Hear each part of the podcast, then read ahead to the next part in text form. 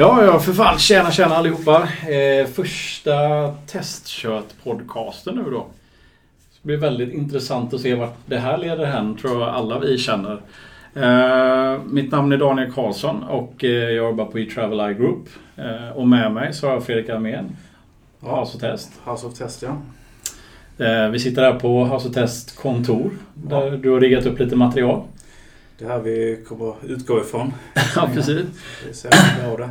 Och upplägget är väl egentligen någonstans att vi ser att det, oss veteligen så finns det inte direkt någon podcast-aktigt som hanterar eh, ämnet test, kvalitet, process och metodik och krav och annat sånt som vi alla tycker är fantastiskt roligt. Mm.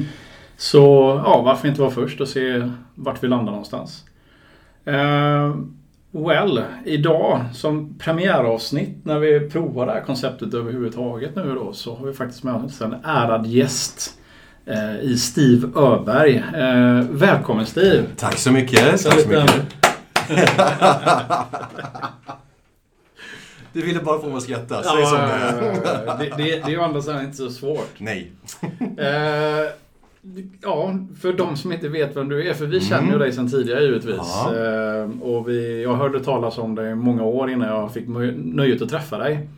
Eh, vem är du och hur började du din roll och varför, ja, vad har du gjort för intryck här i, i Göteborgsregionen? Vi kan, ju, vi kan ju börja med nutiden. Mm. Och då kan vi vara villiga att erkänna att jag jobbar också på E-Travel Group tillsammans med dig. Eh, nej men vad jag har gjort? Jag, jag har varit testare sedan slutet på 90-talet. Jobbat med olika roller inom testning sedan dess. Haft en liten, liten avstickare som supporttekniker och, och liknande. Eh, Men, du har, har du varit, du har varit manager också vid något tillfälle? Jag har varit manager i ett tillfälle. Men ingen slips? Eh, ingen slips. Om man tvungen att tänka efter. Nej, jag började väl, säg 90, 98. Eh, på ett företag som jobbar med lokalisering av mjukvara. Eh, väldigt spännande, jättekul. Jobbade tillsammans med folk som eh, vi andra här runt bordet har jobbat med, Martin och Henrik och så. Det var en intressant period och tid. Det var väldigt, väldigt, vad vi idag betraktar som old school. Man fick testfall skickade från Irland. Genomför de här testerna och så satt man där och bara knappade igenom som någon slags... Att man var det automatiserade testet. Eh, men en bra inkörsport till det, det som eh, de tyckte då var testning. Det var även under den perioden jag upptäckte att när du låter människor tänka själva så hittar de fler issues, fler buggar. Eh, Microsoft hade undanlagt cirka 10% av testningen vad de då kallade för ad hoc-testning. Och där hittar vi naturligtvis 90% av buggarna. Så det var en liten, liten ögonöppnare redan från början. Sen spenderade jag väl 10 år med att testa visualisationsmjukvara på ett företag i Göteborg som heter Spotfire. Eh, mest på serversidan. Jag gillade redan då vid den tiden mer backend-testning. Eh, tycker att det kan vara lite eh, nästan jobbigt med frontend-testning. Och är det för att du går, går igång på det tekniska eller bara att du är livrädd för alla de här mjuka... Eh, fär- Att färgerna ska vara i viss nyans och knappen ska ligga några pixlar uppåt för att ge den här ultimata UX-känslan, eller hur? Jag, jag kan väl tillstå att, eh, jag, att jag älskar frontend-testning. När man kan ta i beaktande sådana saker som accessibility och liknande. Men det är väldigt ofta det är högst subjektiva saker som bestämmer vad som är rätt och fel. Oraklet är oftast någon, någon designer någonstans som tycker att ja, men det här är ju finare. Eh, Medan på backend är det väldigt sällan så. Samtidigt så är det ganska skönt att jobba med subjektiv test. Ja! Ja! Fan, du har rätt. Jag tar tillbaka det jag sa också i samma mening. Och, och är inte all testning också högst subjektiv?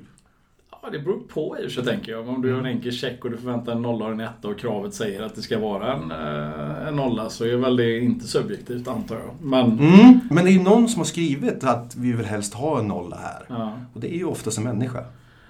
Sant, sant. Så subjektivt för vem? Subjektivt för vem? Viktig fråga. Absolut. Vi har så mycket frågor i vår bransch. Vi sidetrackade tre minuter redan. Förlåt, fortsätt Steve. Vad handlar den här podden om? Ingen aning. Det är väl en bra titel? Nej, så har jag även eh, konsultat i ganska många år här i Göteborgstrakten. Och så har jag jobbat på ett media, eh, mediebevakningsföretag Och det var där jag var eh, manager. Men då även när du var, körde in konsultrace då så var det ju också då på Fredriks. Ja, Alltså test. Då jajamän. jobbade vi ihop på Ericsson. Det var gjorde vi. Test. Jag var på ett annat bolag. Mm. Det var där vi träffades. Det var bland de första Bland- gångerna vi... bland första gången. Ja, vi kan ha träffats när du, när du pluggade. Ja, det var... Höll någonting kanske. Ja. Det var så länge sedan nu. Det, Förlåt, jag känner på... Men, alla pratar om Steve, men han är sån här legenden liksom. Alla pratar om Steve, men ingen vet vem han är. När man hör honom. Som nej, nej, du hör om honom. Det hör om honom. Eriksson kommer alltid höra ett skratt från kaffeautomaten. Ja. Åh, då kan jag gå ut och prata med Steve. det, det är sant. Så, så har det varit på de flesta av mina Ja. jobb. Ja. Ja, men det är skönt när det är, det, det är sådana här jobbiga stunder och det produktion ligger nere och liksom man, man blir jagad av, eh, av business och sånt där. Så hör man ett, ett glädjefullt skratt någonstans ifrån och så blir man Ja. lite gladare. Man kan ju skratta åt det komiska i tragiken. Ja, precis. Eller skratta åt tragiken som Ja. man blir mer glad. Det är, ja. absolut. Men eh, ja, nej, Mm. så du körde konsultresan och sen så Mm. var det som du sa, mediebolag då. Ja, Du även hängde på, eller hängde, om Martin Jansson hängde på dig, det vet jag inte, in i House of Test där också. Men, ja ungefär så. Eh, Och efter mediebolaget så var det... Så gjorde jag en kort session på ett företag här i stan som pysslar med eh, förmåner. Eh, Att leverera förmåner till anställda. Eh, Kom in som testcoach, evangelist. Eh, Men kände väldigt snart att nej men eh, det här med e-travel I, det verkar mycket mer spännande för där finns det fler testare. Där finns det folk som är intresserade av testning och eh, vill vidareutveckla testning. Så då gick jag dit och har varit där nu i snart tre år. Mm. Så det är viktigt för dig att jobba med andra testare. För det andra bolaget var du själv i princip. Ja, och ska, man, ska jag vidareutveckla mig själv och bli bättre så är det ju mycket lättare. Om man kan stöta och blöta idéer och tankar med, med andra inom, inom samma gebit. Men det tyckte jag är intressant också. Just, du sa evangelist. Det var Mm. länge sedan jag hörde Ja. den benämningen på någon typ av roll. Liksom. Ja. Man, det finns ju alla möjliga sådana här roliga. Ja, det är coach, lead, Guru fanns också. guru, det är precis, ninja tycker jag är Ninja fanns, ja. ja. Evangelist känner jag ett fåtal som faktiskt har haft i sin, sin Jag yrkestitel. hade ju aldrig det officiellt i rollen. Men eh, när vi pratade med min dåvarande chef så Många av boxarna checkades på det som eh, förr kallades för evangelist. Det är skägget redan då? Eller? Skägget, absolut. Det räknas. Nej, den bästa jag har sett hittills tror jag är faktiskt... eh, Var det Bradshaw som var boss-boss? Ja. Ja. Ytterligare en sidetrack. Eh, ja, nej, precis. Så idag så är du på e-Travel Eye Ja, och ja. eh, jobbar med test där. i Ett, ett team som jag jobbar också med då, Air Content. Mm. Eh, hur skulle du säga att det differentierar sig idag mot vad det gjorde när du började din karri- karriär? Hur tänker du då? Tänker du på eh, marknaden eller hur just jag jobbar där? Ja, nej, jag tänker mer på branschmässigt. eh, Mm. In, infallsvinklar, tekniker, tänket. eh, Jag, jag, Ja. Under den resan så har det ju hänt väldigt Ja, mycket. Väldigt mycket. Det, det jag skulle säga är att när jag började så var det otroligt styrt ehm, och väldigt lite tillit. Och dessutom var testningen separerad från mjukvaruutvecklingen. Man såg det ofta som en, som, som en egen separat gruppering eller, eller funktion. Så kan vi jämföra då med situationen just nu jag jobbar i. När jag då sitter med i ett team. Är med kontinuerligt från krav hela vägen till post deployment. När sakerna verkligen är ute i produktion och man testar ibland i produktion och monitorerar i produktion. Det är eh, mer, mer inkluderande idag. Och man kan bidra otroligt mycket mer med kvalitetshöjande åtgärder än man någonsin kunde tidigare. Om du var tvungen att välja, skulle du då vilja jobba i ett team med utvecklare eller ett team med testare? Mm, det här har jag faktiskt tänkt på. Eh, Det finns nämligen för och nackdelar med båda. Det är otroligt roligt. Det kan vara superkreativt att sitta med andra testare. Eh, för man kan hela tiden nörda ner i testningen. Så här, ja men de här, har du tänkt på de här tankarna? Har du gjort sådär? Eh, och, och verkligen bli en bättre ja, på, på testning. som, som funktion, som, som arbete. Eh, det är svårare när du sitter i team med bara andra utvecklare och designers och liknande. Inte omöjligt, men det är svårare. Däremot så är det ju mycket, mycket mer produktivt att sitta i ett team som producerar den här grejen. Du får vara med under hela processen, får påverka alla individerna i teamet och teamet är som helhet. Med kvaliteten. För så det- det ger större värde skulle jag säga. För det är sånt som jag har tänkt på också lite grann. Så här, du har ju den gamla skolan i princip där du får liksom en leverans i sann vattenfallsanda och Ja. sitter i tre månader med någon grej medan utvecklarna jobbar med någonting annat. Mm. Sen så har du ju som det är nu då när allting ska vara agilt och i princip alla är utvecklare. Ingen är testare och ingen är utvecklare. Alltid bara någon typ av mishmash med allting. Eh, och någonstans, det som jag saknar som man tycker att man skulle vilja se. Man pratar mycket om det här Lucky Number 7. Att det ska vara liksom 6 plus minus 2 personer. Något Ja. sånt där då ish. Så runt, runt 7 egentligen. Att egentligen så hade det inte varit bättre att ha haft typ 8 utvecklare och 2 testare. Så att man hade sats- satsat på 10 så du får den här dynamiken mellan att ha en testare till att stöta med. Mm. Eh, ibland. Och svaret är det beror på. Mm. Det är för övrigt mitt to- go-to-svar jämt. Det är förbjudet att använda på podd. Kontext och eh, det beror på tror jag är, bannlyst tror jag. Ja, det, det gillar jag. Kontext är Det mitt favorithatord. Eh, nej, men, nej, men det, förlåt, det beror på sammanhanget. Jag vet inte om det var bättre, men eh, Eh, eh, men visst. när är det i- dåligt och när är det bra? Ah, ah, förlåt. Jag är, jag är för gammal i gamet för att ge mig in i den här fällan. Alltså det, ah, det, det beror på vad teamet ska lösa för uppgift, vilka medlemmar vi har i Jag tror vi teamet. ska ha en som bodycamp och det beror på. Ja, ja. Jag känner att jag får stoppa en, en, en, ett mynt i en swear jar varje gång jag säger det hela. Eh, supersvår fråga. Eh, men ja, i, så här, du vet, optimal modell. Ja, det är klart det är det. Eh, Men då skulle jag väl säga att då ska ju inte de andra bara vara utvecklare heller. Då ser jag ju också att vi har lite frontend kapabilitet, vi har lite designers, vi kanske till och med har PO'n i teamet. Så crossfunktionalitet åtminstone. jag. Ja, nej, men för jag är lite av den åsikten också. Att oavsett hur du, hur du vänder och vrider så ett crossfunktionellt team där alla de kompetenserna som krävs för att ta sig framåt Ja. till ett, eh, ett slutmål är nog det bästa. Ja. Eh, Sen så kanske inte det i alla lägen, precis som du säger då, beroende på sammanhang inom situationstecken eller sådär. Behövs alltid ha testare med. Eh, Kanske inte alltid Nej. behöver ha UX med. Där ska man vara helt öppen för att omvärdera. Det, det enda tyvärr, hur ont än gör mig, så är det ju en utvecklare behövs ju tyvärr. Ja. Någon behöver Ja. faktiskt lösa någonting. Så är det. Så att eh, alla andra är stödfunktioner. Ja, Och det får man inte heller säga i vår bransch att testa faktiskt är en stödfunktion. eller Varför inte då? Nej, jag har hört det från flera så här liksom att man ringaktar sig själv på något sätt. Då. men det är ju jätteviktigt att stödja, supportera. Ja, det är det vi har Scrum Masters till, det är det vi Ja, har POs. och Agila coacher och allting är ju stödfunktioner. Testar också på samma sätt. Managers är ju definitivt stödfunktion. Absolut. Men det är lite så här när man säger det så blir det lite gnisslar lite grann så här att eh, man Ah, det var nytt för mig. Ja, jag har hört det ett par gånger. Jag tror det ligger mycket i den här, den här vad ska man säga, dåliga självkänslan många testare har. Där man inte ser sitt eget egenvärde på det sättet.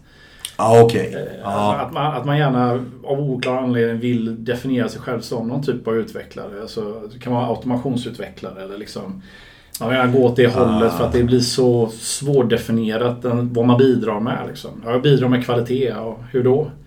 Ja, jag samlar in information och talar om för andra vad, vad de bör tänka på. Det kan jag i och för sig köpa. Ibland så är det svårt att, att peka på värdet i det i sig. Men det är någonting som du fått stångas med för den tiden jag har varit aktiv Mm. så har det varit väldigt så här att man har fått eh, försvara sitt existensberättigande i sin roll egentligen i hela, hela min yrkeskarriär. Det Ja, är inte ofta det kommer naturligt. nej. Så att, ja, men, eh, utan det är väl någon som... Jag skulle säga också att det, det är ju personberoende naturligtvis. Så har personerna tidigare jobbat med, med duktiga testare så, så köper de det helt och hållet. Ehm, Men min strategi har ju hela tiden varit, ja men då går jag och, och visar vilket värde jag kan bidra med. Så man får köra lite praktiskt hands-on till en början och säga, här, det här värdet bidrar jag med. Och då kan vissa personer köpa in det väldigt snabbt. Ah, de här grejerna hade inte jag... Du tänkte så! Det gjorde ju inte jag. Hmm. Det gäller att man Så- hittar något då, eller annars är man bara en skeptiker kanske. Ja, Eller en gnällig är väl Ja. Eller gnällig. Det här kan hända. Ja. Det kan... och risk med en sån approach är ju att nej, du kanske inte hittar något. Mm. Eh, Men- är för svårtestat och liknande. Men en sån, en sån sak som jag har tagit med mig som jag tyckte var spännande var just det här att eh, i början av min karriär så var det mycket sådär att man hittar saker och sen blev det någon typ av eh, vad ska man säga, inofficiellt eh, spel om att försöka få det att inte vara en bugg.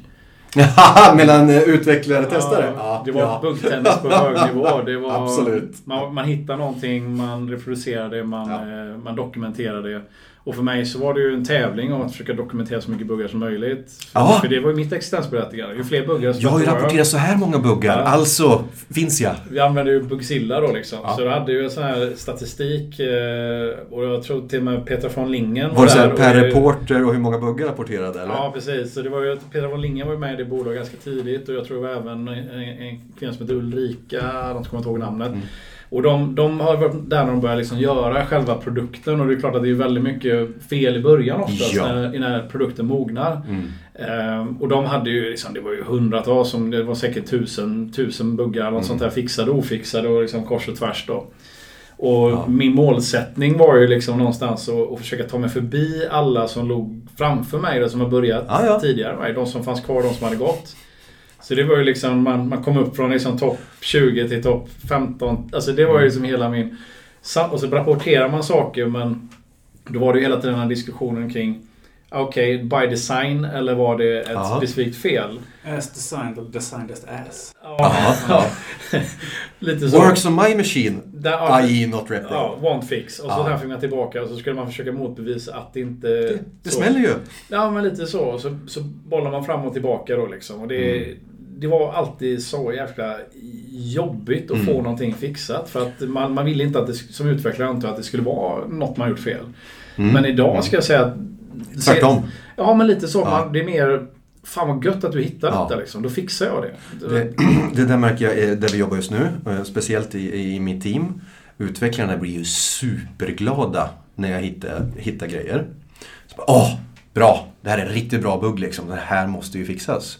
Och, och det är ju helt tvärtom mot vad det var förr i den situationen du målar upp. Men en liten passus. Det är ju när du berättar om det här att alla försöker hitta så mycket buggar som möjligt. Och mitt värsta exempel på det är faktiskt när jag jobbar på det här datavisualiseringsföretaget. För då satt alla testarna tillsammans i en grupp.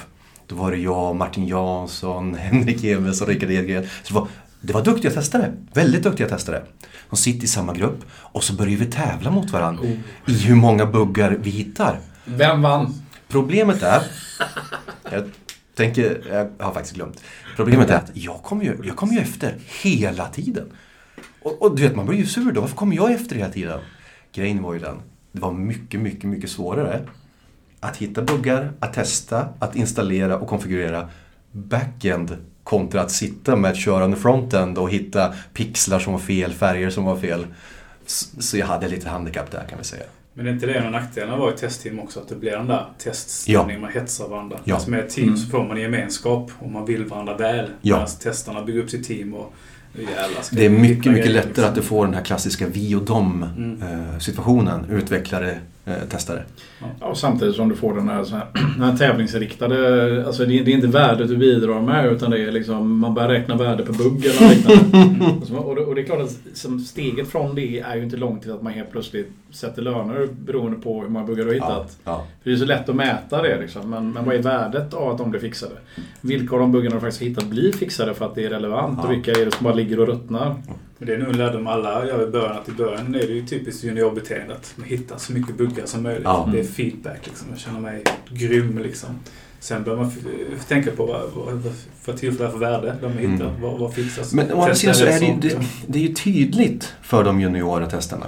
Det, det är någonting som man lätt kan peka på, Mm. antal buggrapporter. Mm. Men det är ju också det sämsta metric vi har. För en buggrapport i sig säger inget. Det är ju vad som är i buggrapporten, vad den rapporterar och hur. Är inte det lite samma sak som jag tänker vi pratar junior och senior när man, när man pratar om, om, om buggar och man tittar på hur man värderar den informationen som man har tillförskaffat sig. Mm. Det, det känns som att det är lite grann samma eh, conundrum om man ska säga som utvecklarna har då att man ju mer junior du är desto mer komplexa lösningar vill Ja. du göra. Ja. Medan ju mer senior du är desto mer enkla lösningar gör du av Ja. komplexa si- situationer. Det känns som att de riktigt seniora utvecklarna fokuserar på att lösa problemet. Medan de lite mer juniora vill ha det komplexiteten i koden för det, det är en snygg lösning. Mm. Det, se vad så komplext det är. Och, och jag, jag förstår den känslan. Titta vilken komplicerad kodrad jag skrivit. Ja, men vilket värde bidrar de med? Löser den ens problemet? Så ja, jag, jag tror att det är samma, samma resa man måste gå igenom. Mm.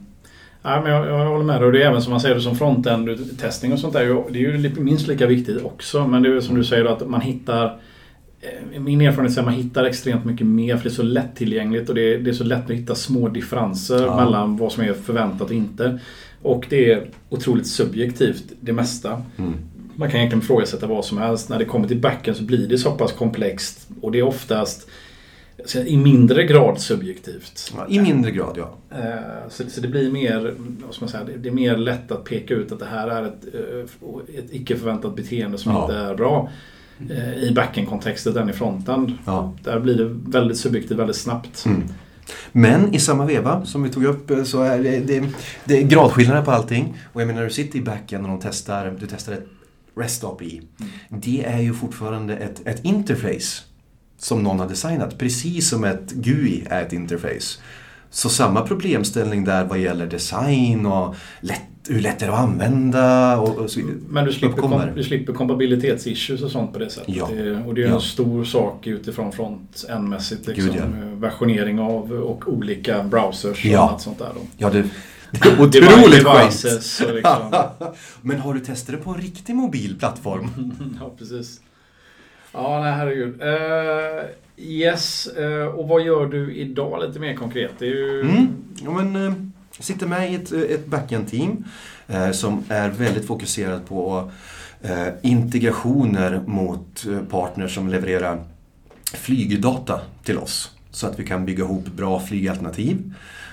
Så det är väldigt, väldigt mycket integration och det är också teamet som är ansvarig för API-er som våra, väldigt många av våra kunder i slutändan då använder sig av för att presentera de här bra flygresultaten vi har byggt ihop. Och, så det är lite API-testning, det är lite integrationstestning mot olika externa partners. Men det är primärt utforskande nu för tiden då? Väldigt mycket utforskande och otroligt mycket mer manuell testning än vad jag trodde det skulle vara. Eh, Men visst, det är ju inte supermycket manuell testning på, på, på ett API som vi kanske gör. Eh, Men å andra sidan så är våra API superstabila och förändrar sig väldigt sällan för det gillar inte kunder. Nej. Nej, alltså det, det är en li, lite automation då på API-lagret Ja. via, via Postman och annat sånt där. Då. Absolut. Eh, vad ska jag säga när vi kommer fram till det här lite grann. Eh, jag tror vi missade det, är väl själva ingressen men eh, själva topicen för dagen är ju lite grann hjältar från förr då. Vad, vad gör de nu och eh, ja, hur ser det ut fram, fram, i framtiden? Vilka, vilka är våra framtida influencers? Vilka är det som påverkar branschen idag i någon riktning? Och det är en av anledningarna varför vi valde, eller ville ha hit dig egentligen då. Och Det är ju dels för att du har ju varit en av dem. Eh, och du har jobbat ihop med många av dem. Förvånad blick här. Ja, absolut. Eh, och därför så tänkte vi väl egentligen bara lite grann eh, som första fråga där just i, i det, det kontextet. Du har gjort en del föreläsningar också vet jag ju. Mm, jag, har, jag har det. Och det ser jag ju som ett Och- sätt att influera. Det är ju oftast ja, med bloggar eller podcast Ja. för den delen. Eller, det fanns väl inte podcast på 90-talet, jag på att säga. Det gjorde det väl. Men, men bloggar, wiki, föreläsningar. eh, Vad, I den svängen, vad... Där ska jag ju villigt tillstå att jag har varit ganska dålig på att bidra till testcommunityt. Eh, Fast jag tror ändå du har gjort det omedvetet kanske då. kanske omedvetet. Ja, det, det är lättare för externa parter att svara på den frågan. Det är sant. Det är sant. Jag har kanske försökt att göra det via bidrag, bidra till meetups. Absolut. Eh, men, men jag har ju aldrig bloggat. Jag har ju aldrig, aldrig poddat. Eh, Check på den då. Check på den nu, det är sant. Det är sant. Första podd. Första podd.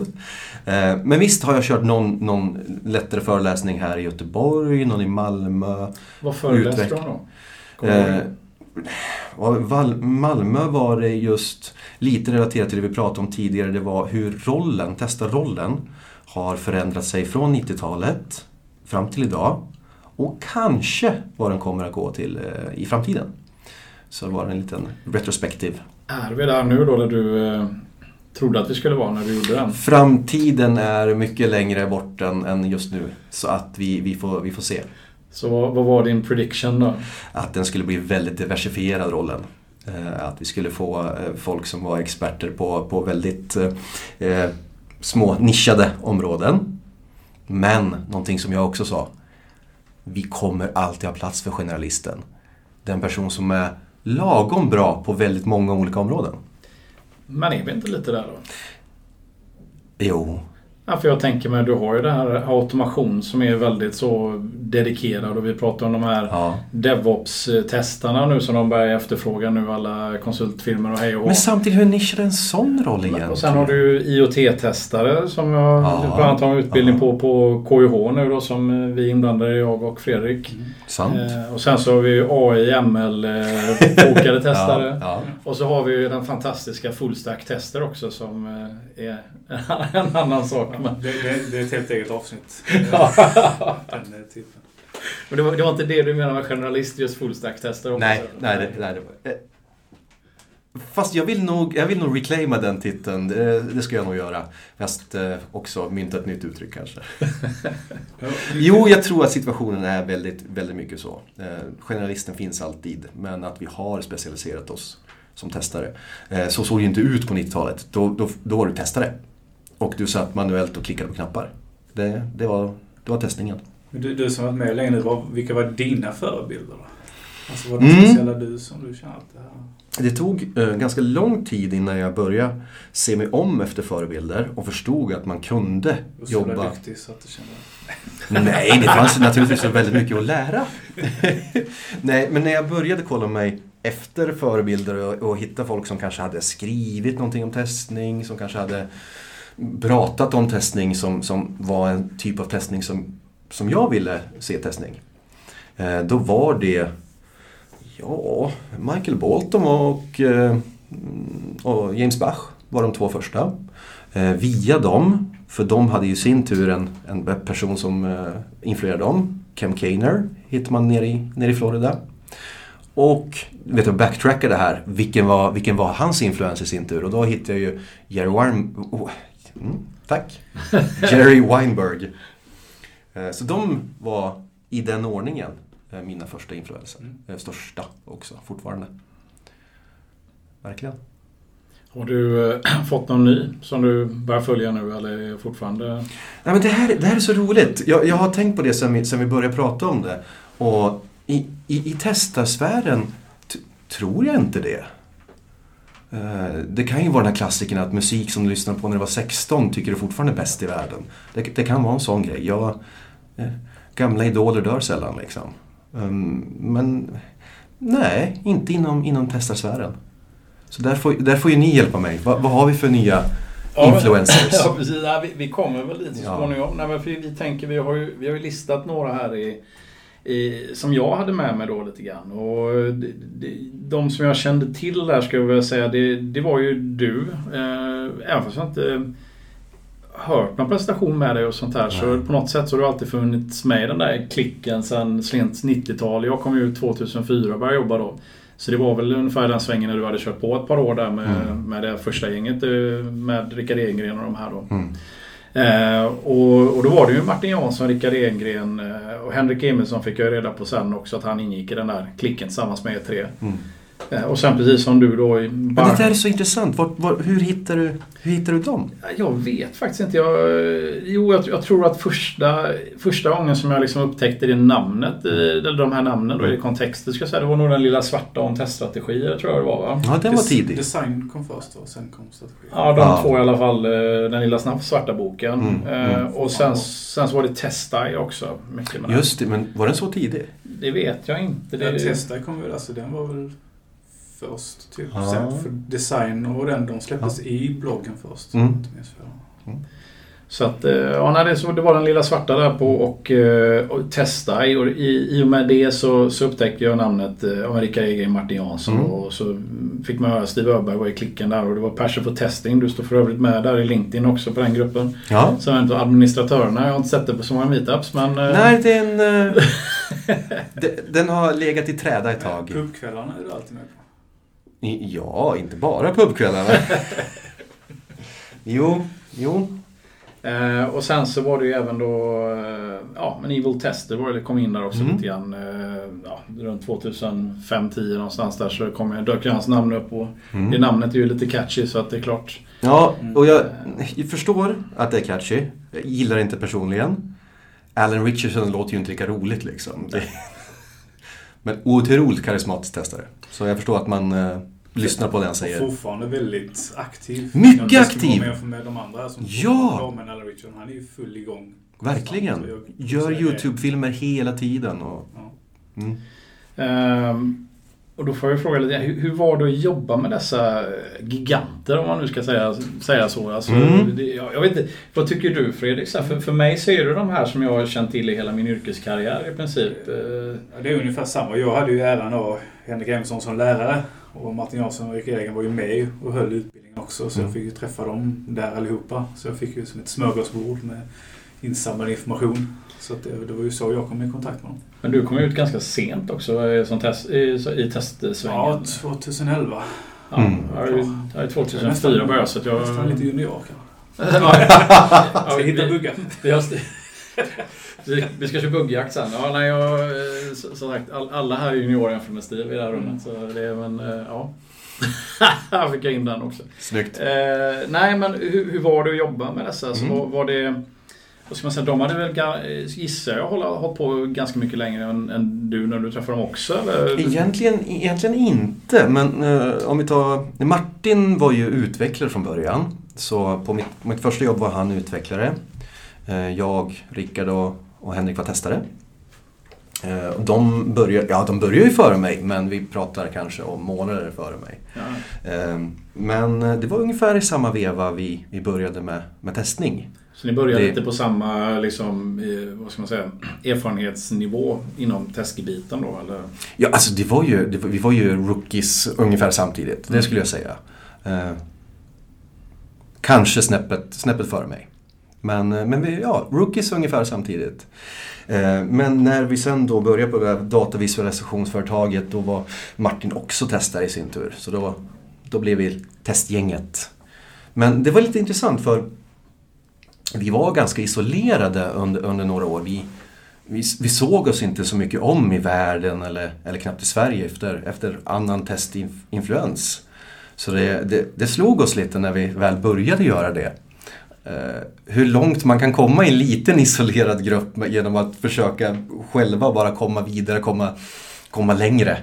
Eh, så det, det var en skön upplevelse, en liten ögonöppnare när man då började gå testkurser och sånt där som man skulle gå. Och tänkte, nej, ni, ni är gammeldags. Det där ger ingenting. Det var, det var charmigt. Har du gått i stycke B? Jag har inte gått ISTQB.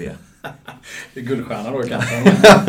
har, har du gått eh, Rapid So- Software Testing då? Jag har gått den. Ja. Det har jag. Men ni måste ju, ni måste, ni har ju fått enorm spridning. Alltså det kallas ju the Swedish Tester. Det har ju till och med liksom Jens Bach sagt. Liksom. Ja, Så hela ja. gänget gjorde ett jävla världsavtryck. Jag, jag tror det, ja. Nej, men när ni till och med liksom folk utanför Sverige pratar om, om er. Liksom. Mm. Men är det så längre undrar jag? Eller har namnet, har namnet dött? Jag, jag, vi pratade med Martin Jansson lite grann för han är ju lärare på KIH nu eh, också deltid. Och vi sa det, det är ju The Four Horsemen of the Apocalypse liksom. Det, men eh, han skrattar gott åt det. Men det, när vi så pratade om och tjatade lite grann då liksom. Sa, ska vi ta hit honom också då? För jag tänker, jag, jag har ju pratat väldigt mycket med Martin. Och jag har ju pratat mycket med dig givetvis då, som vi, vi är kollegor numera. Men jag har aldrig pratat varken med Henrik eller med, eh, med eh, Rickard på det Mm. sättet. I den gruppen av dessa personer som ändå, som du säger då Fredrik, har en viss liksom, eh, internationellt avtryck.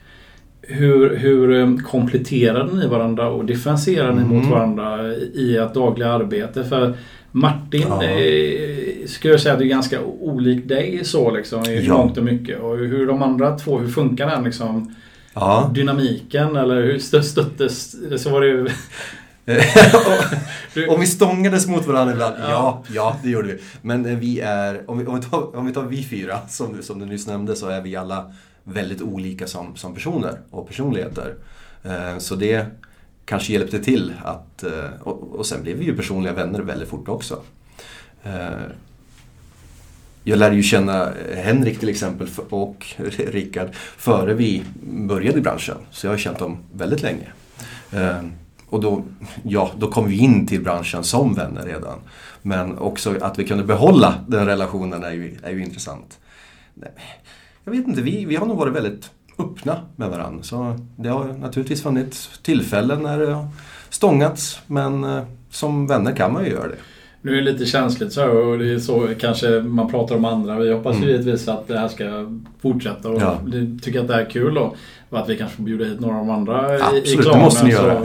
Men, men jag måste ju fråga givetvis. eh, Var, var det, ja, kommer du ihåg någon situation där du liksom kände, men för helvete. Hur, hur, hur tänker du nu Rickard Egren? Liksom? Eh, nej, nej det, kan, det kan jag inte göra faktiskt. De, de har säkerligen funnits, absolut. Men eh, i- ingen som jag kommer ihåg. Preskri- Preskriberat. Vid det här laget, ja. Men vad var det, för när ni jobbade ihop så jobbade ni i team liksom. Ja, eh, jag skulle vilja säga under, under de åren som vi jobbade på det företaget så var konstellationerna förändrades ju ganska mycket. Eh, ibland satt vi eh, avskilda från varann i, i kontor med utvecklare. Ibland så gick vi ihop och satt i ett testteam. Ibland så var vi ute i ett större utvecklingsteam. För det var, men det var ju en, en tioårsperiod som vi jobbade tillsammans där. Så att vi, man försökte hitta den bästa lösningen för, för just det problemet. Eh, Men ja, under väldigt lång period satt vi i team. Men det måste ju varit en fördel då, för att om inte ni fyra hade suttit ihop, det kanske inte hade triggats till det här, det testar. Nej, och- oh, nej, absolut, så kan det Det är vara. en fördel i så fall att vara team, att man liksom har mer... Och då får du den här effekten som jag sa, där du verkligen eh, fin eh, dina testarkvaliteter. Liksom. Du blir en grym testare. Eh, sen vet inte jag hur mycket värde det kanske gav just då till företaget. Men ja, jo, men det, det gjorde det ju. Så att du får ju aldrig släppa den försöka och stöta och blöta dina testtankar med andra testare. Den är ju otroligt viktig. Mm. Och därför rekommenderar vi meetups. Som du Aldrig kommer på.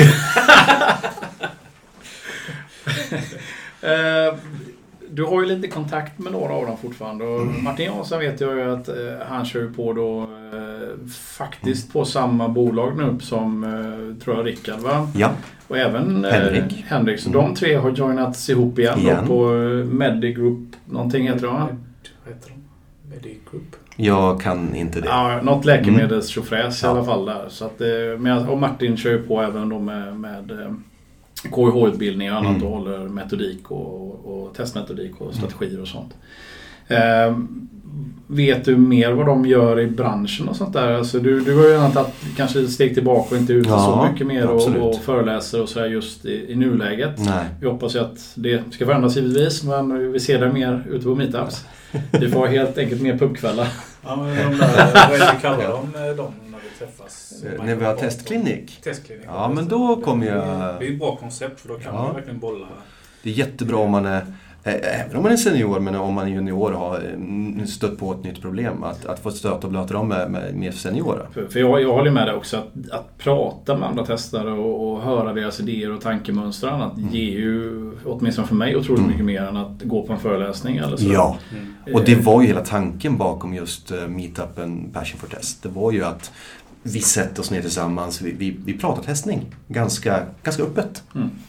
Eh, Men vad, vad gör de idag förutom att jobba tillsammans då eh, igen? Är det, vet, du det om de är ute? För jag, Rickard kör väl någonting med Eurostar? Rickard kör ganska mycket Eurostar eh, under perioder. Eh, Henrik är osäker på om han kör någonting eh, publikt längre.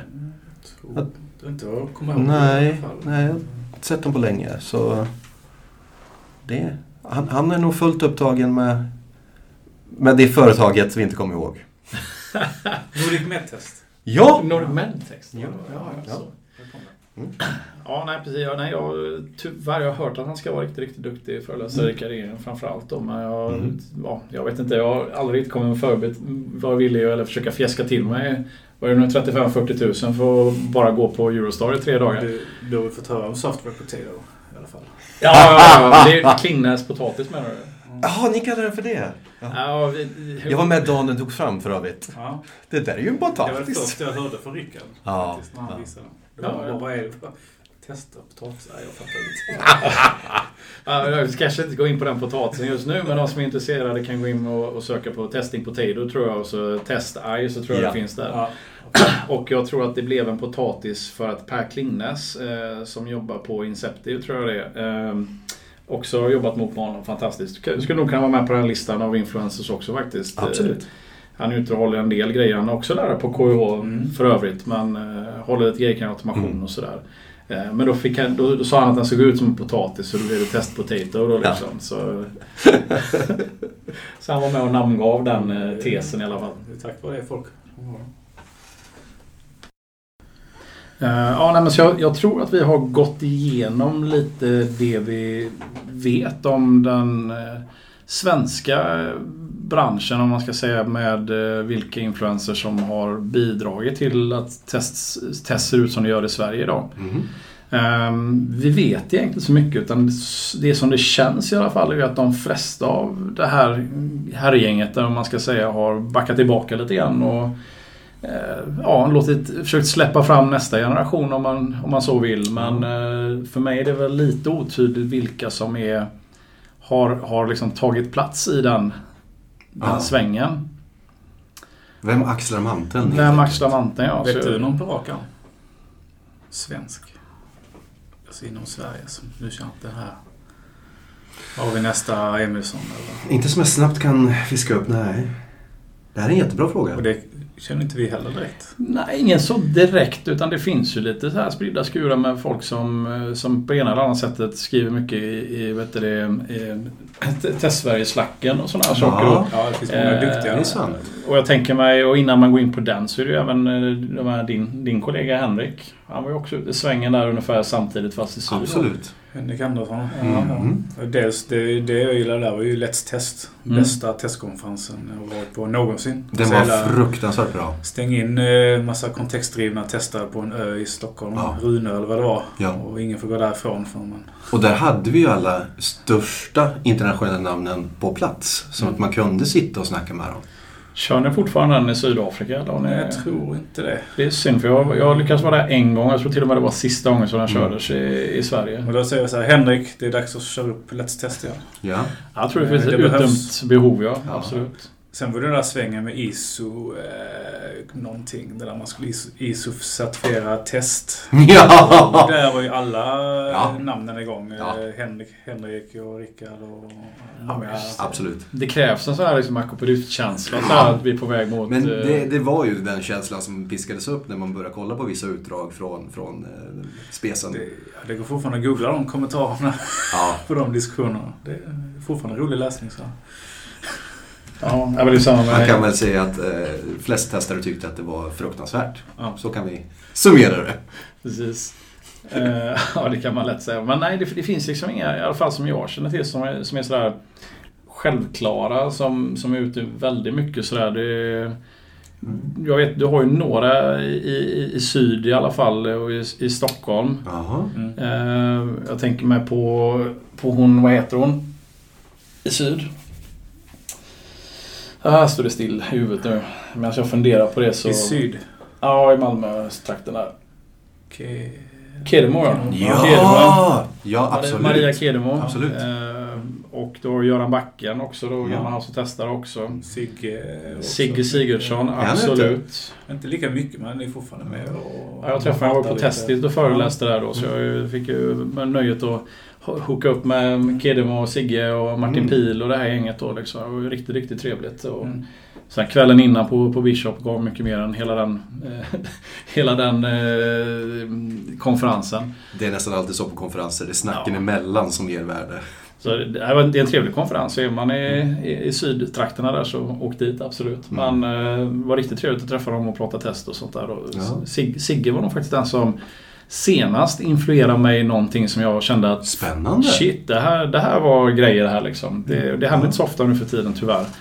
Eh, Men han, han gick ju igenom eh, hela den här biten med, eh, som vi kör, Team Refinement då. Ja. QA Kickoff Mm. kallar de det från Atlassian då. Ja.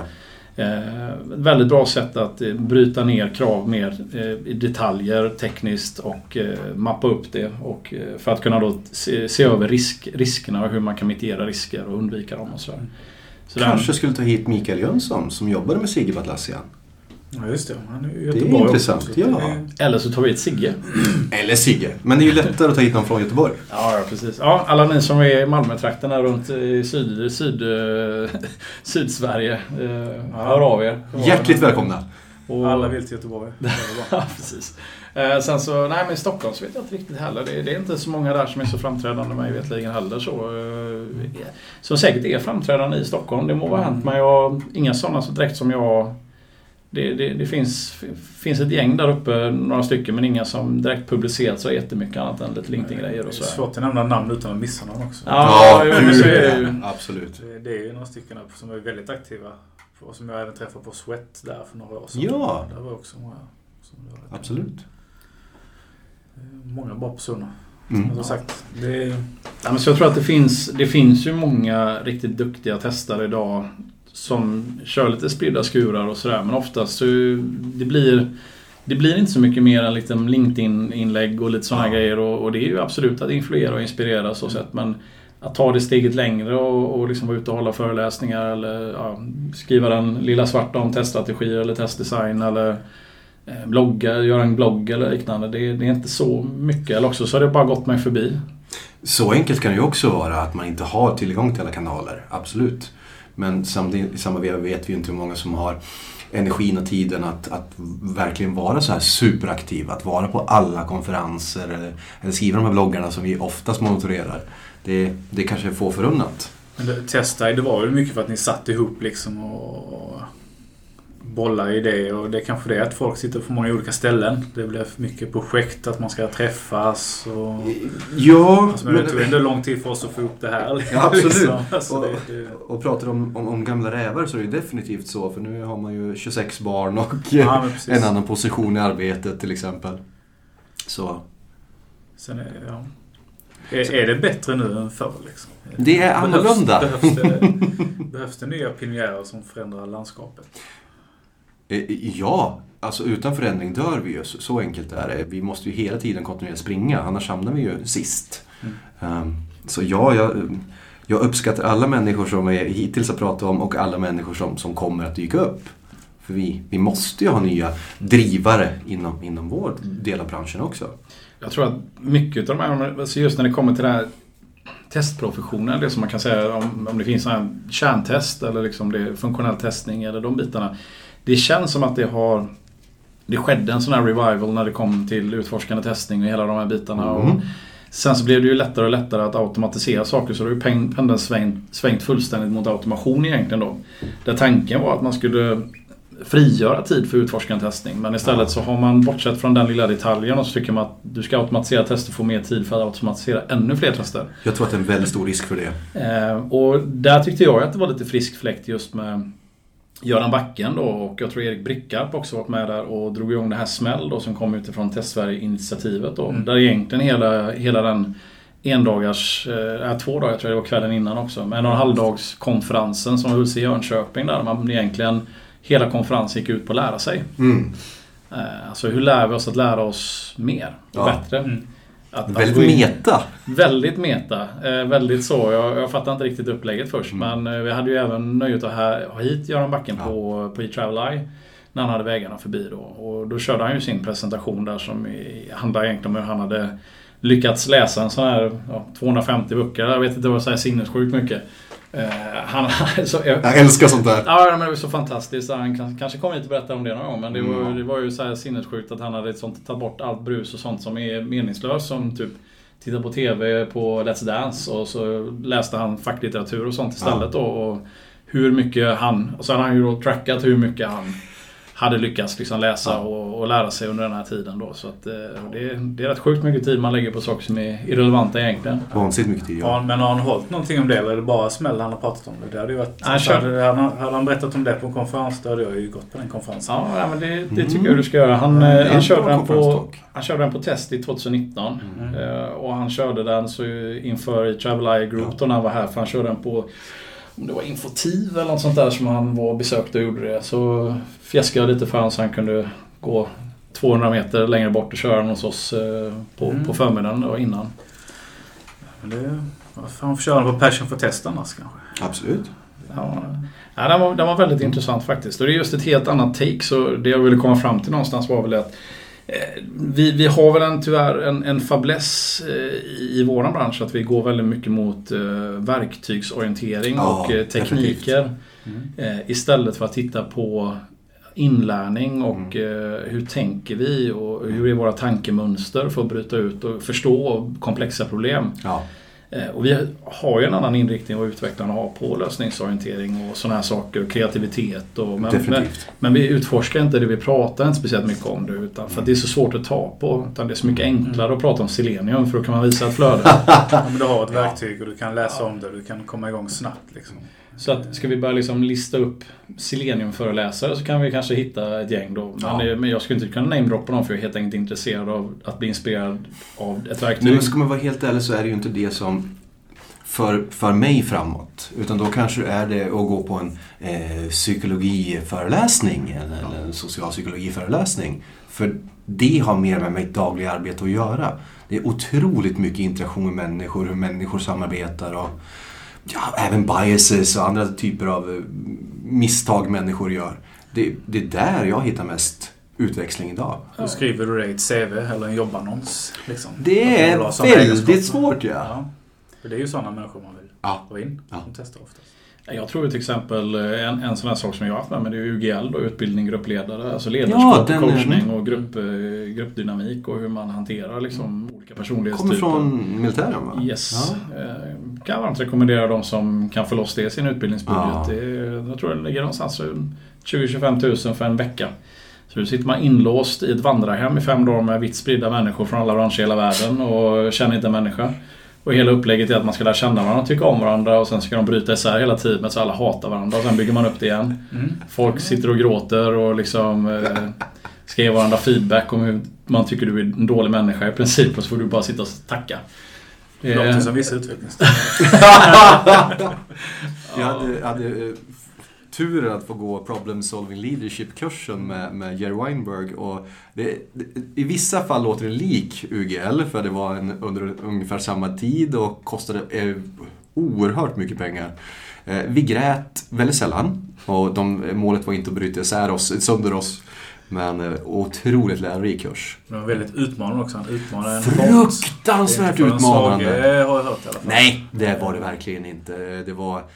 Var, varje fråga du ställde, varje tanke du hade högt, den, den ifrågasattes. Mm. Så det var, det var ju en pers. Det var det. Men det är väldigt lärorik. Så om man nu ska vända sig till influencers av idag. Vi har ju namedroppat några här som kanske vi ser i våra flöden lite grann sådär. Mm.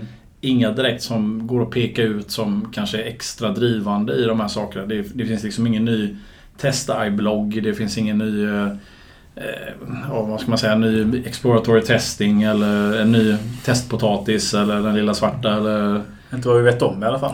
inte vad vi vet om. Känner- Eller så är det för att vi gamla lata och inte orkar. Det kan vara det.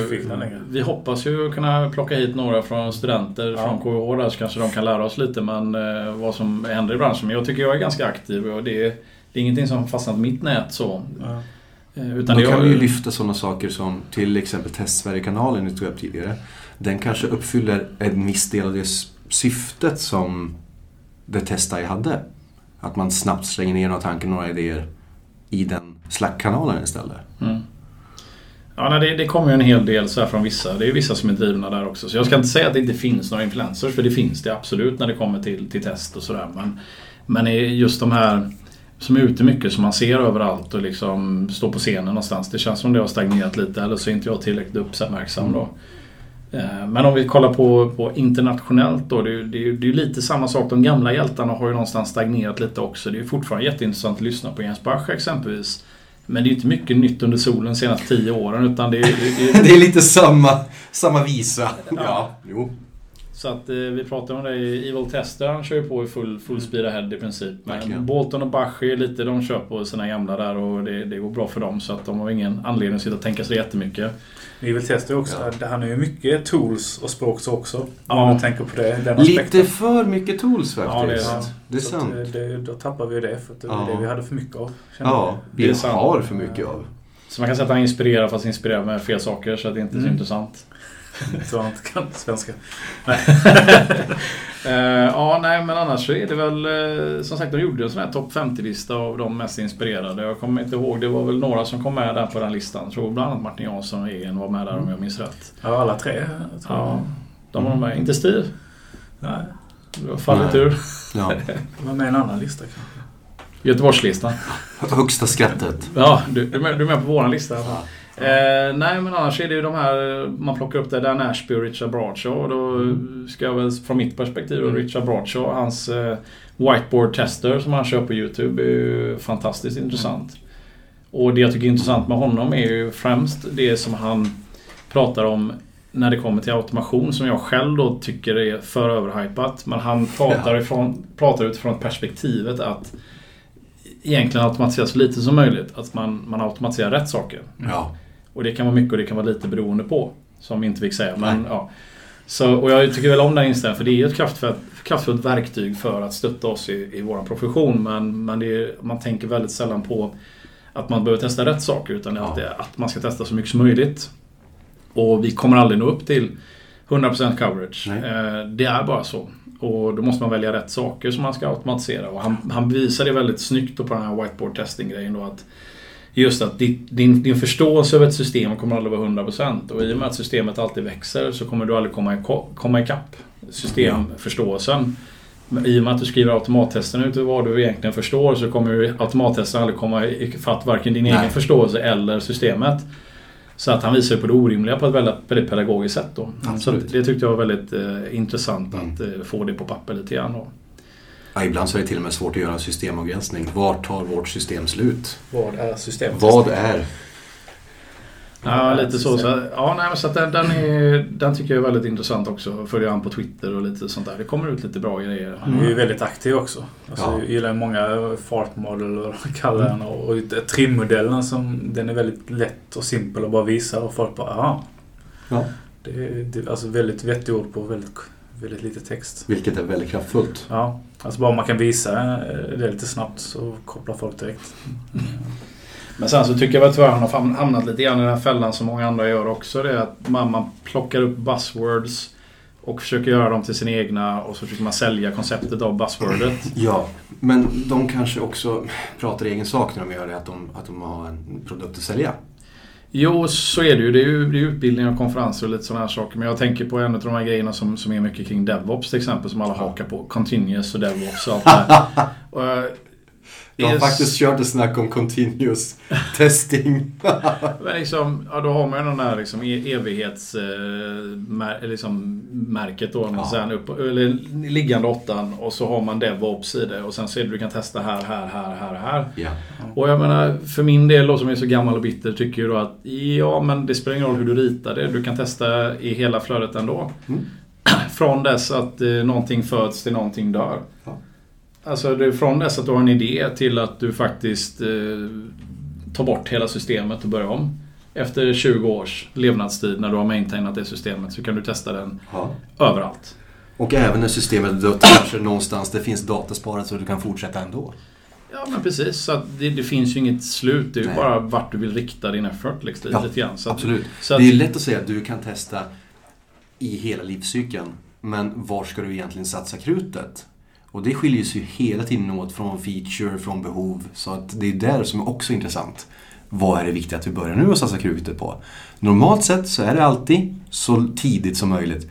Men det kanske inte alltid är så. nej. Men ordet continuous, jag har också pratat om continuous testing. Och Ja. Just för att liksom särskilja på hur man testar innan. Liksom. Men testar man inte alltid Jo, continuously? ja, det gör man. Vad, vad är skillnaden? Eh, ja, eh, i mitt snack så eh, blev ju svaret faktiskt att det är väldigt lite skillnad. Ja, nej, men det är också en Så det är- slutsats. ja. Det beror på. Jag kommer att testa eh, Feature X i en separat bransch. Vi kommer stoppa in den och den släpps när den stoppas in. Och när den släpps är ju när den är klar. Kan inte continuous också vara att man liksom Ja, man testar tidigare, man testar kontinuerligt i hela processen istället för bara i slutet. Ja, fast det, Eller? det är inte bara continuous i sig. Jag menar, du kan, du kan ju ha väldigt fasta releasedatum och mycket manuella steg när du releaser. Och, vilket inte känns särskilt continuous, eller hur? Det beror ju hur, hur vi värderar ordet. Liksom, om vi inte bara tänker continuous testing. Ja, Och inte Continuous Delivery Deployment och alla de andra ja. modorden. Ja men, mm. Man har Okej. blivit bättre på att testa tidigare kanske. Att testa in continuous deployment värld skiljer sig lite från att testa i en, i en annan agil värld, absolut. Men jag säger ju att när du testar i mer agila sammanhang så testar du från början till slut. Mm. Men sen vad början och slut är, det är ju definitionsfrågor. Ja, precis, så den, den vanligaste som jag hör är ju någonstans att man, ja, du ska testa idén. Och sen testar, du hela, sen testar du hela vägen fram till att du egentligen drar ur pluggen. Mm. Och liksom hela företaget går i konkurs och du liksom bara ja, rensar datahallarna liksom. Och så Ja. Då kan du sluta. Då kan du sluta, Det finns absolut. ingenting mer. Eh, och det, och det, det är liksom, så här, Ja. kanske inte bidrar med så mycket värde. Nej, det är ju vägen. det som är, du kan testa i hela den här livscykeln som kan vara väldigt, Oändlig. väldigt lång. Ja. Ska du det? Nej men det är ju det, då har du den här oändliga snurran då. Det Ja. enda vi säger att om okej det är mindre delar men det är ju fortfarande continuous. Ja. Och det är ju samma sak, man, man, man puttar in DevOps i den. Mm. Ja, men det är fortfarande så som vi testade på 90-talet. Det, det, är liksom, det är bara att det går i fler cykler. Ja, det, där, det finns ju där som continuous test, som där the modern tester. Jag tror inte folk börjar liksom använda Ja. andra ord för att liksom säga att Nej, men nu, nu är jag med och ändrar någonting här. Ja. Nu har vi ett nytt ord här. Men det är samma typ det- av tester vi gjort sedan Steve eh, föddes. Nej, det, okej, det, det är det ju egentligen inte. Det, det skedde ju någon form av, av, av revolution där. Mitten på 2000 kanske? Eh, 2005 kanske? Vi vet inte. 2000, vi säger 2000. För, för tidigare än det så, så hade man inte de här tankarna. Man hade ju inte tanke på att eh, vi ska dela värde även som testare. Vi ska testa hela cykeln av eh, produktlivscykeln. De här tankarna kunde ju inte finnas för det var ett mer vattenfallsorienterat mindset man hade inom företagen. Och då skulle det ju vara en handover från utvecklare till testare och där testar du. Men då kommer du fram till här fortfarande att då handlar det mer om hur organisationen är uppstrukturerad. Ja! För, så egentligen det det handlar om är att alltså, Ser man till old days så att säga, då, då hade man ju testfall som var förskrivna utifrån Ja. kraven och så exekverade de. Sen Ja. var du klar om de var past. Ja. Du gjorde buggrapporter och så kunde reproducera och leverera och så vidare. Du satt med utvecklare för sig, testare för sig och så hade man den här liksom leveranssteg, trappan om Ja. man ska säga då. Och sen så kunde du vara iterativ emellan de olika faserna. Absolut. Och, och nu då så säger man att Nej men vi drar ihop alla de här och sätter dem i ett team. De blir Ja. crossfunktionella. Ja. Sen så då blir det ju samma sak fast mycket snabbare och där alla sitter i samma team. Ja. Men du måste utveckla någonting för att kunna testa koden. Men du, måste kan ju testa saker kod. innan koden också. du men kan du testa ändå... mycket innan kod, Ja. Och du kan testa kravställarens idé till krav. Absolut. Det var mycket svårare tidigare. Svårare för att man inte satt co-located. Man Ja. var inte cross, crossfunktionella. Absolut. Så att det är den organisatoriska modellen som har förändrats som har möjliggjort att vi har kommit hit. Ja. Att, att man inte skulle kunnat göra det innan. Det, är- det är det jag menar. Det är ju det, är det som Det- jag tycker är lite felaktigt. Jag skulle säga att tänk. i, i, ibland gjorde man det innan också. Även när vi inte var det är ett crossfunktionellt team. För du upptäckte ju för ett tag att nej, jag måste ju ha den här informationen från, från utvecklare eller från kravställare. Då, då gick du ju och hämtade in informationen. Och ibland så gick du dessutom tog den personen och din utvecklare och satte i samma rum. Kom, nu pratar vi tillsammans. För det gick fortare. Det gick snabbare. För, för det är ju det här liksom, man tittar på ja, men Vattenfall och det får mycket skit och så här. Det ska det ju rättfärdigen ha också. Men, men fortfarande, Ja, du har ju fortfarande samma faser. Men du har ju flyttat närmare människor till varandra. Och du levererar Ja. saker oftare. Mindre delar. Faserna finns fortfarande för att en person måste göra en sak som nästa Mm. person kan eh, hantera. Så, så ser det väldigt ofta ut. Nästan alltid. Och, så ja, faserna finns ju där. Men numera i kortare cykler och alla individerna inblandade kan lättare prata med varandra. Absolut. Men då är det en organisatorisk modell som har Ja. förändrat sig och hur man sammansätter rätt Ja. människor. Och sånt Det- där är superviktigt. Och det är även, absolut, och sen har du ju även då hur själva vad ska man säga, arkitekturen och eh, leveranshanteringen sker. Men Det är ju en stor skillnad. Det är ju infrastruktur då å andra sidan. Ja, infrastruktur men också hela deployment-grejen. Att numera kan vi själva ta Men det har, ägenskap över det. och det har ju med arkitekturen att göra. Ja, ibland. Mestadels. Jag menar det, det är svårt med en jättemonolit som alla är beroende av. Liksom. Men det, Det går. går, Ja. men det, det är svårare. Liksom. Ja. Det är, ju mindre det är, ju mer avskilt det är microservice style eller sådär så blir det enklare. Mycket enklare. Eh, Jag har jobbat i sammanhang där man har deployat monoliten väldigt kontinuerligt. Och sen vi, vi, vi spårar väl lite ur ämnet men, men eh, jag tycker det är intressant och jag, för min egen del så tror jag att det kanske är det som gjort att jag har svårt att hitta eh, vad ska man säga, sådana som man kan se upp till och, och följa lite grann sådär för att väldigt många och även, även jag har åkat på det tåget i, till viss mån då liksom att någonting häftigt dyker upp. Ja. Som DevOps till exempel. Ja, vad gjorde jag då? Jo, jag dök ju på Drunken Hamster Approach to DevOps. Sen körde jag den, den presentationen 15-20 gånger. Alla ville att jag skulle komma dit och hålla den föreläsningen. Vilket var skitkul. Jag tycker det är kul att vara Ja. ute och, och liksom föreläsa och sådär. Men hade det inte stått DevOps där utan bara stått Drunken Hamster Approach to Testing eller något sånt där så hade inte en jävel velat veta någonting. Nej.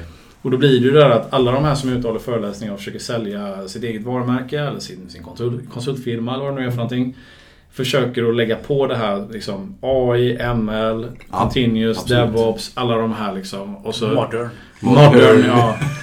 För att försöka pitcha då för att någon ska vara intresserad. Och det, det, Ja, så- det är Ja, det är, ett clickbait, verk... liksom. ja, det är ju ett verktyg för att verkligen kunna göra reklam för sin produkt. För vi, vi hade ju den här lysande då, jag- ja men ska inte trasha någon så, men Angie Jones till exempel. Eh, För mig, det jag hade läst på LinkedIn och lite grann så jag har hört om henne så verkar hon helt fantastisk. Jättebra.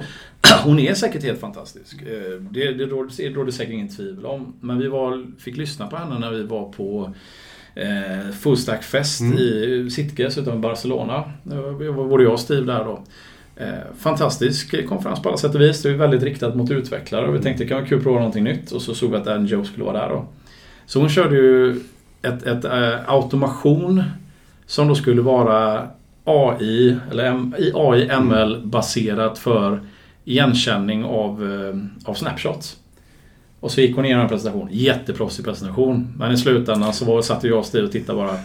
Det här är ju bara snapshots. Det är, vi jämför snapshots. Ja. Och så skulle det vara någon AI i grunden som ingen riktigt förstod. Hon förklarade inte hur den skulle gå till. Vi fick aldrig se själva AI-grejen. Och sen ska man ändå manuellt godkänna om den här differensen faktiskt var en differens eller inte. Ja. Så det var fortfarande en manuell hantering och det råkar vara ett verktyg som hon eh, har kontakt med när vi kollade på nätet. Och det roliga var ju då, då kom ju en av utvecklarna efteråt och till oss då och var helt exa, exa, exalterad och liksom bara Det här måste vi köpa in. Det här är jättehäftigt. Och jag och Steve bara Nej, det är det inte. Och till saken hör att då hade vi eh, tidigare under det året haft en diskussion du och jag om hur fruktansvärt fokuserade testare är på verktyg. Det är ju Selenium, det är ju, ja, nu vet man verktygen. Så jag tänkte, men det kanske inte utvecklare på sina konferenser. Jo, värre. Det är värre. Men det, det är intressant för att mm, om- som vissa bolag har varit på och, utvecklarna har varit på konferens. De har åkt tio stycken liksom. De kommer tillbaka och bara nu har de här nya toolsen. Du vet det är sån gruppstämning och de Ja. får göra proof of concepts. Och Mm. Det är inte så ofta, men nu ska vi på en eh, testkonferens om psykologi liksom. Och, och så ska vi snacka ihop oss när vi kommer tillbaka. Ja, men det, alltså, det, det, det är lättare att ta på verktyg, det är Ja. klart. Och Hit, de har ju hitta, sin, hitta sin inre testare. Ja, liksom. precis. Vi ska på mindfulness-konferensen. Jag vet inte. Det är lättare att ta på. Det är mycket lättare att ta, på. Men hur gör ledare och chefer när de går på konferenser? Då går de ju på en, en ledarskapskonferens, eller hur? Och varför skulle inte en testkonferens innehålla väldigt mycket snack om, om psykologi till exempel? Mm. Det gör det i vissa konferenser. Det händer. Absolut. Ja. Det kan vara svårare att sälja in bara. Ja, svårare kanske att applicera ibland också. Ja. Men jag tror att det är det någon har behövt mer av. Att lite mindre verktyg, lite mer tänk kring Ja. de här sakerna. Ja. Det, det, finns, det finns ute också, man måste bara försöka hitta dem. Ja, det, så är det. Det är mycket... Det är 80% tooling och, och buzzwords och sen så har man den där liksom Kanske 15-20 procenten som är... Oh, det är ganska mycket om det är 15-20. Ja, det är det. Jag, tar i för jag Ja. känner att jag, har- jag har låtit så bitter nu liksom över att eh, jag har letat efter att bli, få såna här du vet, eh, här dopaminkickar Ja. man liksom bara wow, nu, nu shit, det här vände helt och hållet upp och ner på hela min värld. Där kan jag applicera rätt in på mitt eh, dagliga arbete liksom. Det, det var väldigt länge sedan nu. Eller inte så länge sedan, Sigge då. Men Ja, det, så det var två år sedan. Men, ja. Men smäll är ju bra alternativ, tänker jag. Alltså, Ja. bara för att få upp lite... Mm. Och där var jag också lite sugen. Jag tror att det blev inställt när jag skulle flyttas fram. Så jag var lite sugen på det där. Men samtidigt, och jag, och jag är ju lika dålig själv. För jag läser ju då om smäll där just att lärande. Att vi, vi ska lära oss att lära typ. Eller något så här. Och det, lät så, det låter så flummigt. Jag läser det flera gånger och bara men Men vad betyder vad, det? vad, ska jag, vad, vad gör vi där liksom? Vad, vad kommer det här gå ut på? Och så försöker någon stackare förklara för mig när jag frågar. Och så ska du inte med hit? Och jag vet inte vad det är för någonting. Alltså, jag gillar ju Sweat när vi var där. Skulle vi, Mm. Sweat var väldigt diskutera, bra. vi skulle diskutera test som inte var test. Mm. Det är också sån. Vad är det för ämne? Men alla hade ju varsitt ämne och Ja. det blev jävligt bra. Det blev jävligt roliga diskussioner eh, i slutändan. Och Sweat är en peer-konferens för, Ja. för testare.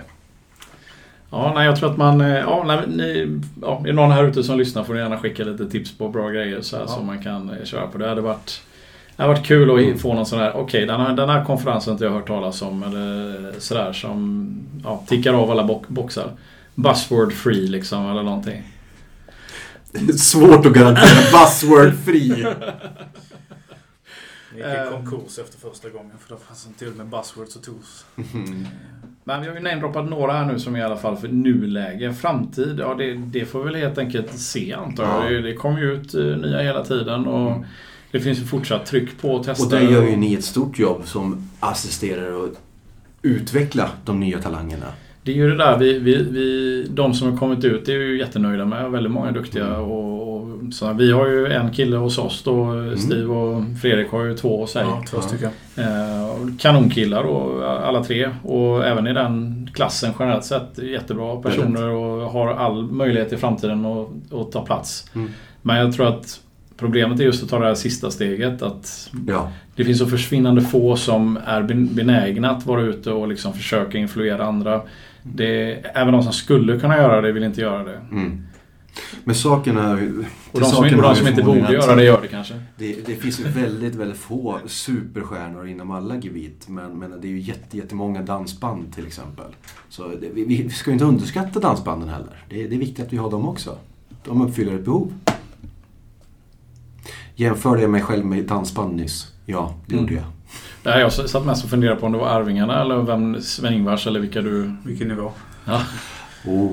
Men om vi nu hittar sådana här nya fanbärare eller nya tester som ska liksom driva det framåt. Vad är, vad är det de ska driva framåt? Vad är det som ni känner att... Vad, vad är det för ämnen liksom som behöver lyftas upp? Vad är det som behöver bli bättre? Mm. Personligen, det som jag själv har börjat och, och, och liksom snickra lite på och...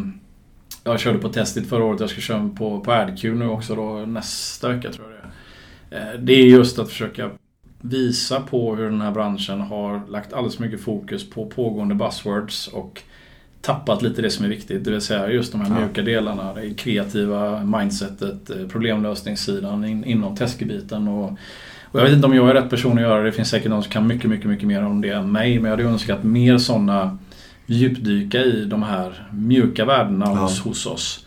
Och få bort fokus lite grann från tools, teknik och, och, och, och Absolut. sådär. Eh, Att titta mer på professionen. Det är lite grann ja, som en snickare som, som ska presentera vad han gör och han bara pratar om sin hammare hela tiden. Jag har en jättebra hammare! Ja, den, den är jättefin och den slår ner spiken jättebra. Så Det är det här märket. Jättebra märke. Ja, ja, men lite så liksom. Och, ja, men det, finns en, det finns en hammare med två stycken huvuden här jag kan slå med. Så du kan slå två spikar samtidigt. Ja, men okej. Det är bra när du spikar tajta områden. Ja, men det är lite så liksom. Så, ja, men det finns en spikpistol. Ja, men det är fortfarande... Om, om, det, om det var allting som hade att göra med testning liksom. Eh, Eller snickare och du behöver kunna slå i en spik. Det är det enda som... Det spelar ingen, ingenting annat spelar någon roll. Så är det ju ganska lätt att ersätta den snickaren Ja. med någon annan. Ja. Vem som helst egentligen. Jag, kan, jag, jag håller med dig fruktansvärt mycket men i samma veva vill jag lägga in att jag talade ju nyss om att vi kanske gick med mer specialisering. Så det kan vara så att vi vill också se de här rockstjärnorna inom ett specialiserat område av testning. Vi kanske vill höra dem snacka om sitt lilla nischade område. Säg att det är säkerhet, säg att det är performance eller vad det nu blir. Så ja, rockstjärnor inom en viss, viss, viss del av, av testning också. De kommer ju att vara där. Jag håller helt och hållet med dig också. Jag, jag, jag tänker med det att du, du kommer nischa dig inom området för det är så pass brett. Jag är väl, och jag har inget emot det för det är jättekul att lyssna på någon som är brinner och är duktig på föreläsningar. Men du är väl också generalist som jag? Jag är nog väldigt mycket journalist eh, som du. Men jag, jag tror väl... Jag saknar liksom 30-40% om det som intresserar mig och det som Ja. jag tycker lite grann är grunden för allt annat. Liksom. Det är som man sagt, anekdoten just, eller vad man ska säga jämförelse med en, en, en snickare då liksom. Jag, om jag vill veta om hur en snickare arbetar och vad, vilka challenges man har och hur man hanterar dem. Mm. Så vill jag veta hur man tänker och hur man liksom fuskar sig till liksom sånt. eh, Absolut. alltså- ja, det här blir lite fel, du kan tweaka till det så att det blir rätt och så här som de gör. Jag Trade secrets har ju alla yrken. Lite så, men som min, min farsa säger det att han är ju väldigt händig och så här, men han är ju inte snickare utan han är ju grovsmed och jobbar med metall. Men han sa det, han, han är ganska händig och så har byggt mycket själv. Så, här, så frågade jag men skulle inte du kunna vara snickare? Nej, sa han. "Ja, Okej, vad är skillnaden då? Jo, snickare är mycket bättre på att gömma sina egna fel. Ja. ja. De har sina trade secrets som naturligtvis vi också har. Så det är därför också det är kul att lyssna på de här riktigt, riktigt gamla rävarna som har suttit där och lött kretskort och grejer även när de testade. Sånt är superspännande. Så när utvecklaren ska gömma sina fem, då är ju där vi kommer in i bilden. Sant! nu är det väldigt få utvecklare som försöker vi- gömma vi, felen. Vi är besiktningsställen Fel- ändå liksom. Det var, det var Felen mer finns så där förr. ändå. Det var, mer, det var mer så förr kanske, att de försökte gömma det. Men, nej, men point taken. Jag, jag tror att det är väl mer det jag, jag, vill, jag vill lära mig mer fortfarande efter mina år i branschen. Vad, vad är det som är liksom kärnan? Hur kan jag bli bättre på att, att just hitta de här sakerna? Tänka på ett Mm. visst sätt när jag stöter på de här situationerna. Ja. Eh, och inte så mycket att det har kommit en ny hammare eller en spikpistol. Jag hamnar i branschen för att jag verkligen älskar, älskar teknik. Jag älskar att jobba med, med teknologi. Men ju, ju längre jag arbetar i branschen kommer jag hela tiden fram till grundproblemet hela tiden. Det är ju att It's always a people problem, right? Jerry, Det, Weinberg. det, det, det är människor som interagerar med människor. Det, det är det vi måste lösa här. Liksom. Det är människor som har ett problem, som vill ha en lösning till problem. Det är därifrån ett krav kommer. Och, och ja, då måste vi förstå människor. Så för mig är hela den här psykologibiten superintressant också. Och jävligt komplext. Vilket Superkom- inte. Nej. Men det är ju därför verktygen är så mycket mer lockande och sexiga. Ja, genvägen. Ja. Tyvärr så löser de inte problemet oftast, för de förstår inte problemet. Ja. Det är vi som måste förstå problemet, som ska implementera, kanske med ett verktyg. Och med det tror jag faktiskt att det är ganska lagom att eh, wrappa upp den här lilla Mm. podcasten. Vi har suttit och babblat ganska länge och det har varit oerhört kul. Och så här eh, inspirerad har jag nog inte känt mig på länge. Så bara en sån sak. Eh, jag tror att vi har väldigt ljus framtid och jag tror att många ute idag och även sådana som eh, är på väg ut i branschen kommer ha väldigt mycket luckor att eh, fylla. Eh, och det kommer nog som du säger bli väldigt eh, uppdelat och nischat och det kommer finnas plats för generalisterna. Jag hoppas verkligen att vi kommer då dock att flytta pendeln ifrån den här hårda verktygsapproachen mer mot de mer mjuka, de psykologiska, mänskliga problemen som vi stångas med på daglig basis.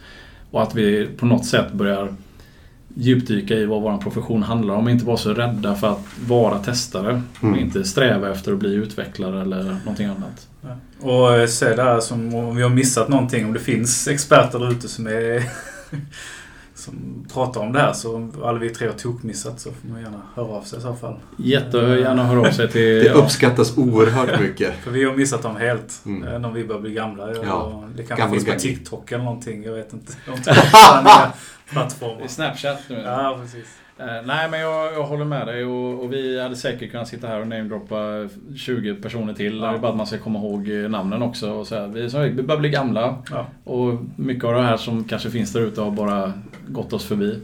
Så eh, nej, om det är några stackare här som lyssnar på hela den här podcasten och tyckte det här var roligt så vet ni folk som sysslar med alla möjliga av de här inspirerande sakerna och kanske skulle vara sugna på att prata med mig och Fredrik och sådär Mm. så får ni gärna höra av er. Eh, ja, det är Daniel Karlsson at eTravelI. Och Fredrik Almén också. Houseoftest.se Och jag får tacka för att du fick komma. Det var väldigt, väldigt roligt och inspirerande. Och jag kommer ladda ner nästa avsnitt. Inte detta då. Nej, jag vill inte höra min egen röst. Fair enough, fair enough. Ja, nej, men jag tror vi byter där och så får vi se. Ja,